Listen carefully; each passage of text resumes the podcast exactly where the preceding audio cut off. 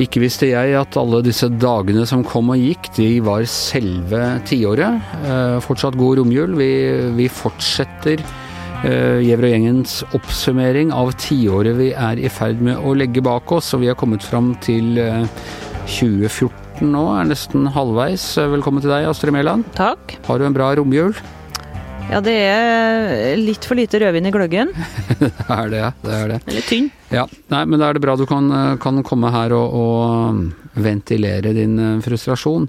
Vi er altså kommet til, eh, til 2014 og et temmelig dramatisk år, og et år hvor, hvor, mye snudde. Og du var midt i begivenhetenes sentrum i, i mars 2014? Ja, da reiser jeg til, til, Ukraina og videre til Krim, sammen med vår fotograf Harald Hemden og Brynjar Skjærli, som jobba i VG den gangen, på utenriks. Vi hadde med oss ja, skuddsikre vester og hjelmer. Og, mm, og hva skulle dere? Eh, vi skulle dekke mm, det at det var russiske soldater i gatene på Krim, uten distinksjoner, uten navn. Små, små grønne, menn. menn. Mm. Um, og det var det altså. Um, fortsatt uh, da så var Krim uh, ja, de har ukrainske minibanker, ukrainske penger, ukrainske parlament og, uh, og var ukrainsk. Men siden februar så har disse grønne mennene dukka opp mer og mer. Og på TV-en så var det Eh, propaganda, russisk propaganda om at fascistene var i ferd med å ta over eh, Ukraina, og at russerne måtte være snille og beskytte og komme og hjelpe dem. ja. Og vi besøkte mange hva kalles det igjen? sånne, dere soldater Marine Altså, kjenner ikke på hva det heter, men dere soldatene bor og jobber. Kaserne. Kaserne. Utafor der så sto det sånne russere med enorme sånne breie sånne hatter. Nekta å si hva de het, nekta å snakke med oss, men det var òg Eh, skutt eh, Vi så skuddsår, og det var, det var, vel ingen som hadde dødd, tror jeg, men det var en eh, ukrainsk soldat, muligens som var i vakttårnet i den ene innhegningen som vi var på, som hadde blitt truffet. Full forvirring, selvfølgelig, og senere i mars så så ble det arrangert folkeavstemning, og Krim ble russisk. Og det som eh, da Dette var jo på en måte da det snudde. Da hadde etter Sovjetunionens fall, så hadde eh, det stolte Russland og det de selv opplevde som nederlag på nederlag, og, og Nato rekrutterte medlemmer helt inn opp i bakgården og, og helt opp i eh, forhagen deres. Det var slik de følte det. Men her var det de begynte Putin begynte å vise muskler igjen. Ja, de har jo en slags sånn eh, sjølbilde i Russland som ikke står helt i stil til fakta på bakken. De, skal jo, de ser tilbake til empiriet, store, mektige Russland som var over hele verden. og Eh, og Krim spesielt, og Ukraina spesielt, er jo et land som de føler broderfolket, som, som er russere.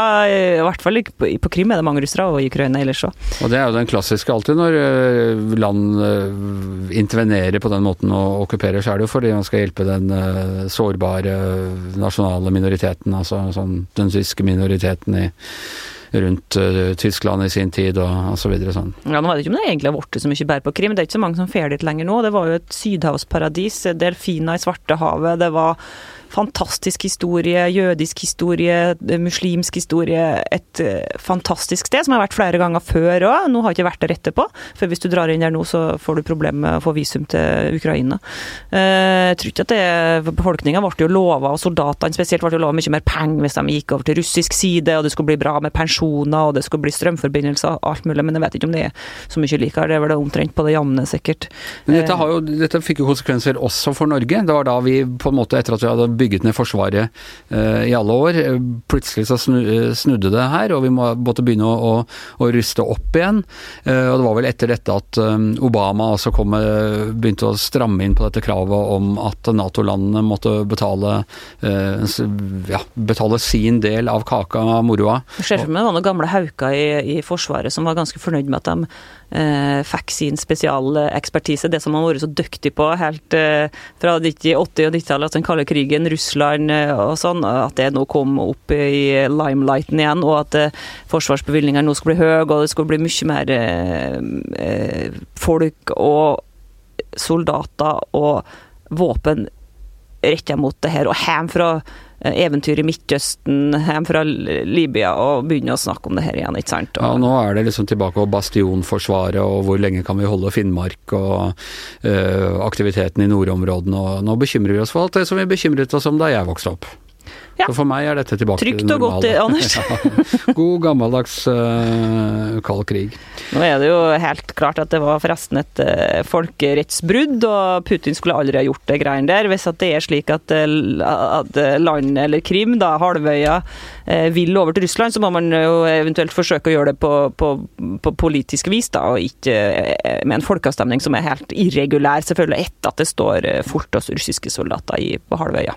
En annen ting som da skjedde som eh, bidro til å reversere oss tilbake mot 70-tallet, eh, det var jo at det skjedde noe med oljeprisen, som stort sett bare hadde gått opp. Eh.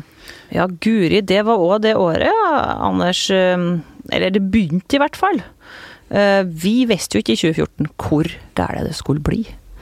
Um, Tenk på regjeringa Solberg som akkurat har gått på 2013, og det var egentlig ganske enkelt i Norge. Det VG skrev om var at det var noe høl i veiene, og at vi måtte få opp samferdselsbudsjettene. Så plutselig kommer Krim, og så kommer oljeprisfallet.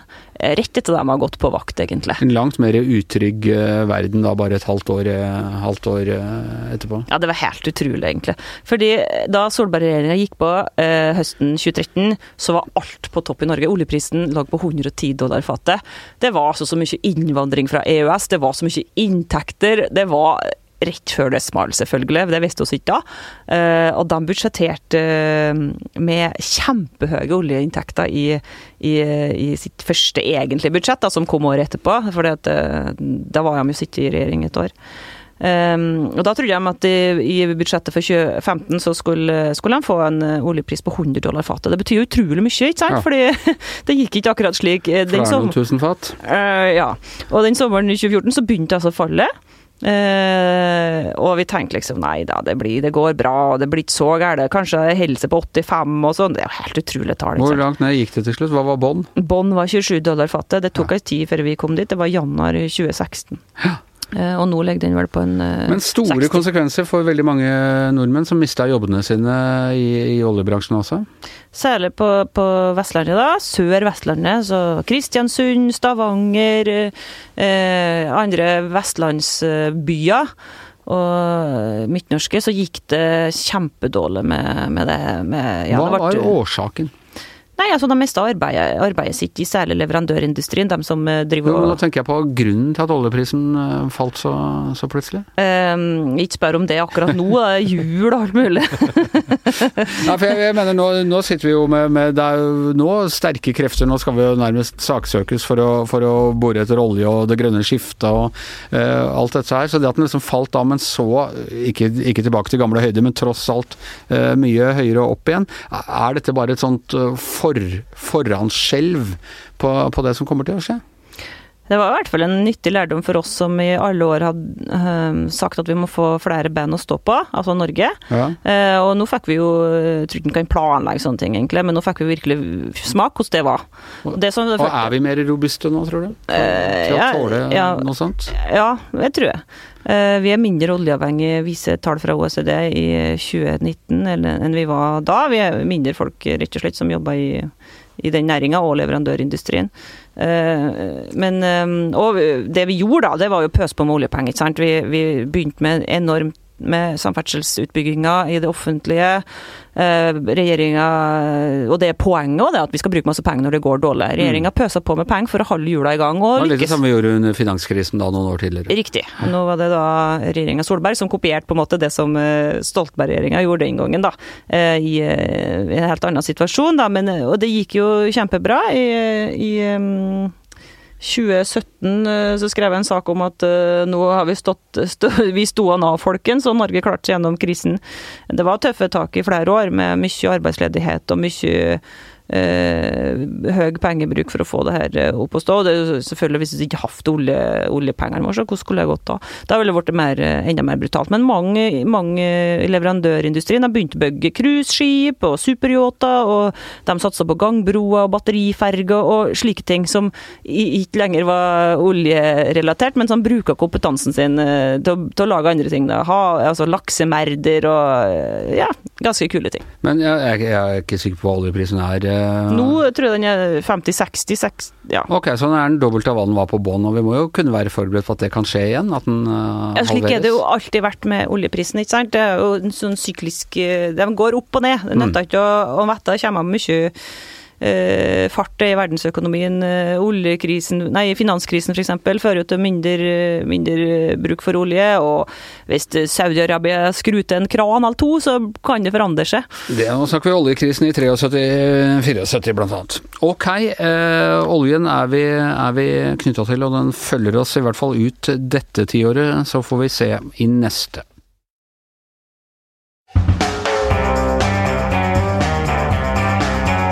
Og da er vi framme ved, ved, 2015, og det var, må jeg si, et av de eh, mørkeste årene i uh, dette tiåret.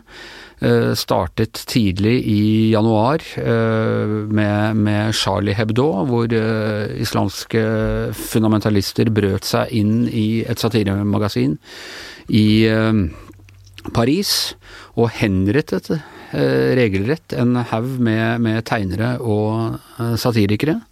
Eh, kom seg unna.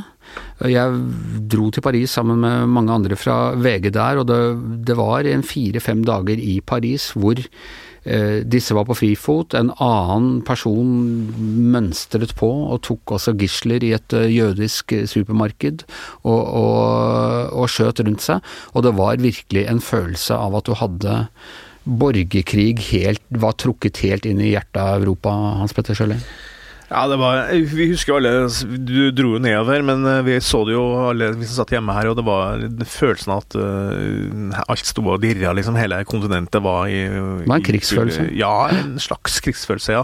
Og, og, terroren kom jo igjen senere også, så det var jo ikke bare noe som skjedde tidlig i året, det kom jo også mot slutten av året. Også ja, du hadde Bataclan da mot, mot, slutten av året? Ja, og den, det angrepet der var jo for min del, som jeg husker, det gjorde enda sterkere inntrykk, for det var det, det var inni en, en svær konsertsal, og? Var, vi så jo hvordan eh, Det var jo bilder derfra inn, inni der, og det var jo svært mange som ble drept også. Helt utrolig bestialsk. Og det, og det, og det var på en måte også satt i gang alle disse andre, altså NIS med, med denne bilen, og det var flyplassen i Brussel, og det mm. var altså en rekke og, og, og, Manchester en rekke sånn storskala terrorangrep. Man angrep helt uskyldige mennesker enda mer brutalt enn det Al Qaida hadde drevet med. Ja, det var noe helt nytt, eh, det her. Eh, og var jo selvfølgelig med på å destabilisere hele kontinentet. I, tillegg til da selvfølgelig det som jo var 2015 store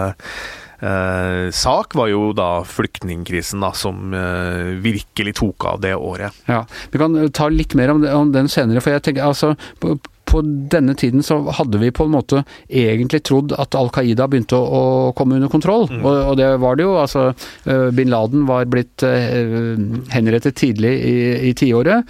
Uh, man hadde fortsatt kamper i Afghanistan og, og rundt omkring, men, men det virket ikke som om terrorismen hadde det grepet, altså den funksjonen med, med å skremme folk langt inn i storbyene i Europa og USA. men så kom altså dette her eh, islamske kalifatet og virkelig eh, satte virkelig skremte oss, og, og, slik eh, terroren er ment å gjøre. Ja, helt forferdelig. Alle var jo livredde for altså Det var jo IS, da, eller ISIL, som mange kalte det den gangen. Ja, det var kalt det i begynnelsen. også Dash, var det noen som kalte det. ikke sant? Det var, og det var en sånn bestialitet ved det som, som, som selvfølgelig et, gjorde dypt inntrykk på folk, og gjorde at folk også Jeg husker jo vi, vi, var, vi var, litt redde her i Oslo også, for plutselig kunne skje et eller annet. ikke sant? Fordi det, det her gikk jo etter Vi var ikke for å angripe noen regjeringsmedlemmer, og sånne ting, det var til å ta vanlige folk bare for å skape mest mulig frykt og mest mulig panikk. da. Ja, Barn og alle var, var liksom såkalt legitime mål for, for Ja, og vi så jo videoer også fra Syria og den slags, ikke sant, som viste at hvor, hvor ekstremt det her var. da. Vi hadde nesten aldri sett noe så, så bestialsk liksom, i, i, vår tid. da. Og uh, Hanne og jeg snakket om her en av de andre dagene når vi, vi snakket om etteraksen, altså 22. juli, som jo er også fortsatt, selv etter dette, et av de mer omfattende terrorangrepene i Europa, men hvordan vi på en måte ble en slags glemsel. Vi snakket ikke så det, mye mer om det. Og det hadde litt med dette å gjøre, at denne trusselen virket da så veldig mye kraftigere enn enslige, hva enslige høyreekstreme terrorister kunne få til. Disse var, de var, En del av dem var, hadde ikke engang vært og blitt trent uh, i utlandet slik uh, Al Qaida og sånn var. De var selvradikalisert foran PC-en. I, I, små celler rundt omkring som ingen visste helt hvor var. ikke sant? Og mange av dem var tidligere kriminelle, var kriminelle. Ja, og, det, og, og, sikkert mange som hadde også uh, andre issues, da. Som uh, man da følte at man var en del av en, en større, et større nettverk, og plutselig kunne gå løs uh, i gatene hvor som helst. Nå vet vi jo da i ettertid at Europa, Europa, europeiske land har satt inn sin aller harde og Du nevnte jo flyktningkrisen, men det var jo frykten for at vi kom der og sånn. Man satte inn noe av den aller hardeste etterretningen mot disse gruppene. Ja. Helt, ikke helt sikker på at alle etter boka menneskerettigheter er blitt opplest. Og, ikke minst i Frankrike. Der tror jeg de kjørte det drakoniske tiltak uh, som, som, gjør at det har jo det har jo ikke skjedd uh, Altså, det stoppa jo på et visst tidspunkt. Da, ikke sant? Du har hatt mer enkelt Ja, man vet jo aldri hva som skjer, men man fikk jo Og så fikk du jo selvfølgelig løsning etter hvert da på en slags løsning i Syria også, som, som bidro til å, at IS da forfalt. Da. Men, men, eh, det har jo vært eh, Jeg tenker bare på hvordan vi følte oss der tilbake i 2015. Da. Den, den utryggheten og den der eh, uvissheten om hvordan verden var i ferd med å gli Det er litt annerledes nå, men det, det er fortsatt en, en uro i verden. Men ikke sånn som det var den gangen. Nei. Og jeg husker altså 2015 starta jo da med Charlie Hebdo, og da jeg dro tilbake for å dekke Bataclan, da følte jeg at nå er, vi, nå er vi inne i en uh, evigvarende uh, krigssituasjon i Europa. og Sånn oppleves det uh, tross alt ikke nå. Men altså, samme året så fikk vi altså på grunn av denne totale destabiliseringen og borgerkrigen i, i, Syria, så fikk vi altså denne flyktningkrisen, hvor millioner av mennesker strømmet mot uh, Europa. Mm. Mm. Og bildet av han gutten på stranda, som, som, jo ble da symbolet på det her. Folks desperate flukt fra, fra krigsområder som i Syria da, over til å komme seg til Europa.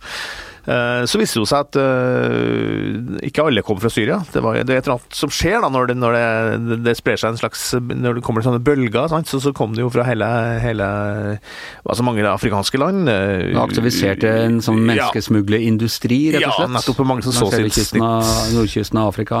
Ja, så sitt snitt å tjene gode penger på det her. Uh, men det er også mye, mye intern migrasjon faktisk i Europa. Mange kommer jo, flyktninger kommer jo fra Balkanlandene, f.eks. Albania, Kosovo. Eh, det var vel sånn at til, til Tyskland så var jo brorparten kom fra Balkan, altså. Og, men det gjorde jo også noe med politikken i eh, ja, særlig de landene som var, eh, var under det nærmeste presset, men også i alle de andre landene, i Norge. Og det gjorde også noe med EU og hele oppfattelsen av det europeiske prosjektet. Ja, helt eh, ekstrem endring, faktisk.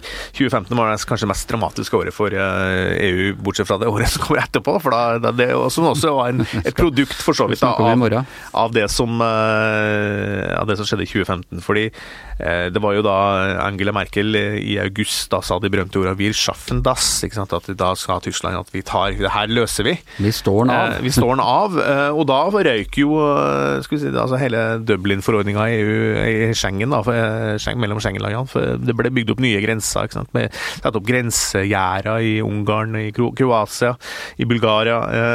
Så, så EU forandra jo på en måte uttrykk. da. Det ble plutselig grensa mellom den frie flyten, var ikke sånn som den har vært før. Og det skapte seg et stort skille i Europa mellom de landene i øst, som jo har slått slo seg da kraftig inn på en sånn nasjonalkonservativ linje med null innvandring fra muslimske land, f.eks. Uh, og, og så, så, ble det også da et, et, slags nytt jernteppe som går igjen tvers gjennom EU, da. Ja. Uh, så, som vi fortsatt baler med i dag. I Norge fikk vi nyord som godhetstyranni. Ja. Og i Norge, altså det som skjedde i Norge var jo helt spektakulært. Altså plutselig så fikk vi jo en flyktningbølge migrantbølge. da, Det var også diskusjon om hvorvidt de skulle kalles flyktninger eller migranter, for det var jo forskjellige typer folk der.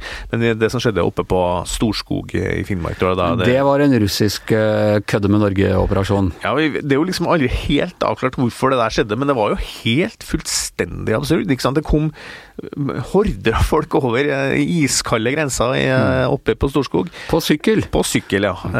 Med store sykkelberg. Og det førte jo også til da at det ble en kraftig innstramning norsk eh, asylpolitikk. Men mange mener jo og jeg vil regne med at det var en måte hvor russerne viste oss hvordan de kunne bølle med oss. Eh, etter Ukraina og vi hadde vært med på disse sanksjonene og sånne ting. Så viser Putin at ok, men jeg kan bare slippe opp denne lille greia her. Og hvor mange flyktninger vil dere ha, liksom? Jeg kan drukne dere og hele det fine velferdssamfunnet deres i løpet av noen uker, hvis dere vil. Ja, eh, som sagt så har vi aldri helt, blitt helt uh, avklart hvorfor det skjedde, men, men det er iallfall nærliggende å, å, tro at det var det som skjedde. Og det, for du så så det jo også i Europa ellers òg, hvordan eh, f.eks. Tyrkia hadde også sitt grep om Europa. ikke sant? For de fikk jo den største eh, migrantstrømmen skjedde jo fra Tyrkia over til Hellas. Eh, Lesbos, da, den mm. øya som ligger veldig nært opp til Tyrkia. Tyrkia det var gyllent daggry av disse politiske ekstreme Ja, ikke bare det. altså Jeg var i Hellas det året også, som jeg pleier, pleier å være på sommeren. Eh, og, og det, var et, det var en utrolig merkelig stemning der. Eh, fordi du, fikk, du hadde altså eh, eurokrise og alt mulig i tillegg også, ikke sant, som gjorde at det var veldig mye tension. Men, men det med, med, Lesbos og sånn er, er, jo ikke avklart ennå. Det er fortsatt masse, masse masse folk, flyktninger og migranter som bor på Lesbos i, i forferdelig trasige eh, flyktningleirer. Så, så den, den, ruta over til, Tyskland, til Tyrkia er jo ikke helt eh, plombert ennå. Og øh, de lengre virkningene av både flyktningkrise og alt det vi har snakket om i dag, det, øh, de kicka virkelig inn i 2016, som vi skal snakke om i morgen. Men øh, da er vår tiårsoppsummering over for i dag. I studio i dag Astrid Mæland, Hans Petter Sjøli, Anders Giæver og vår Father Christmas bak spakene, Magne Antonsen. Ha en fortsatt god romjul, og så høres vi i morgen.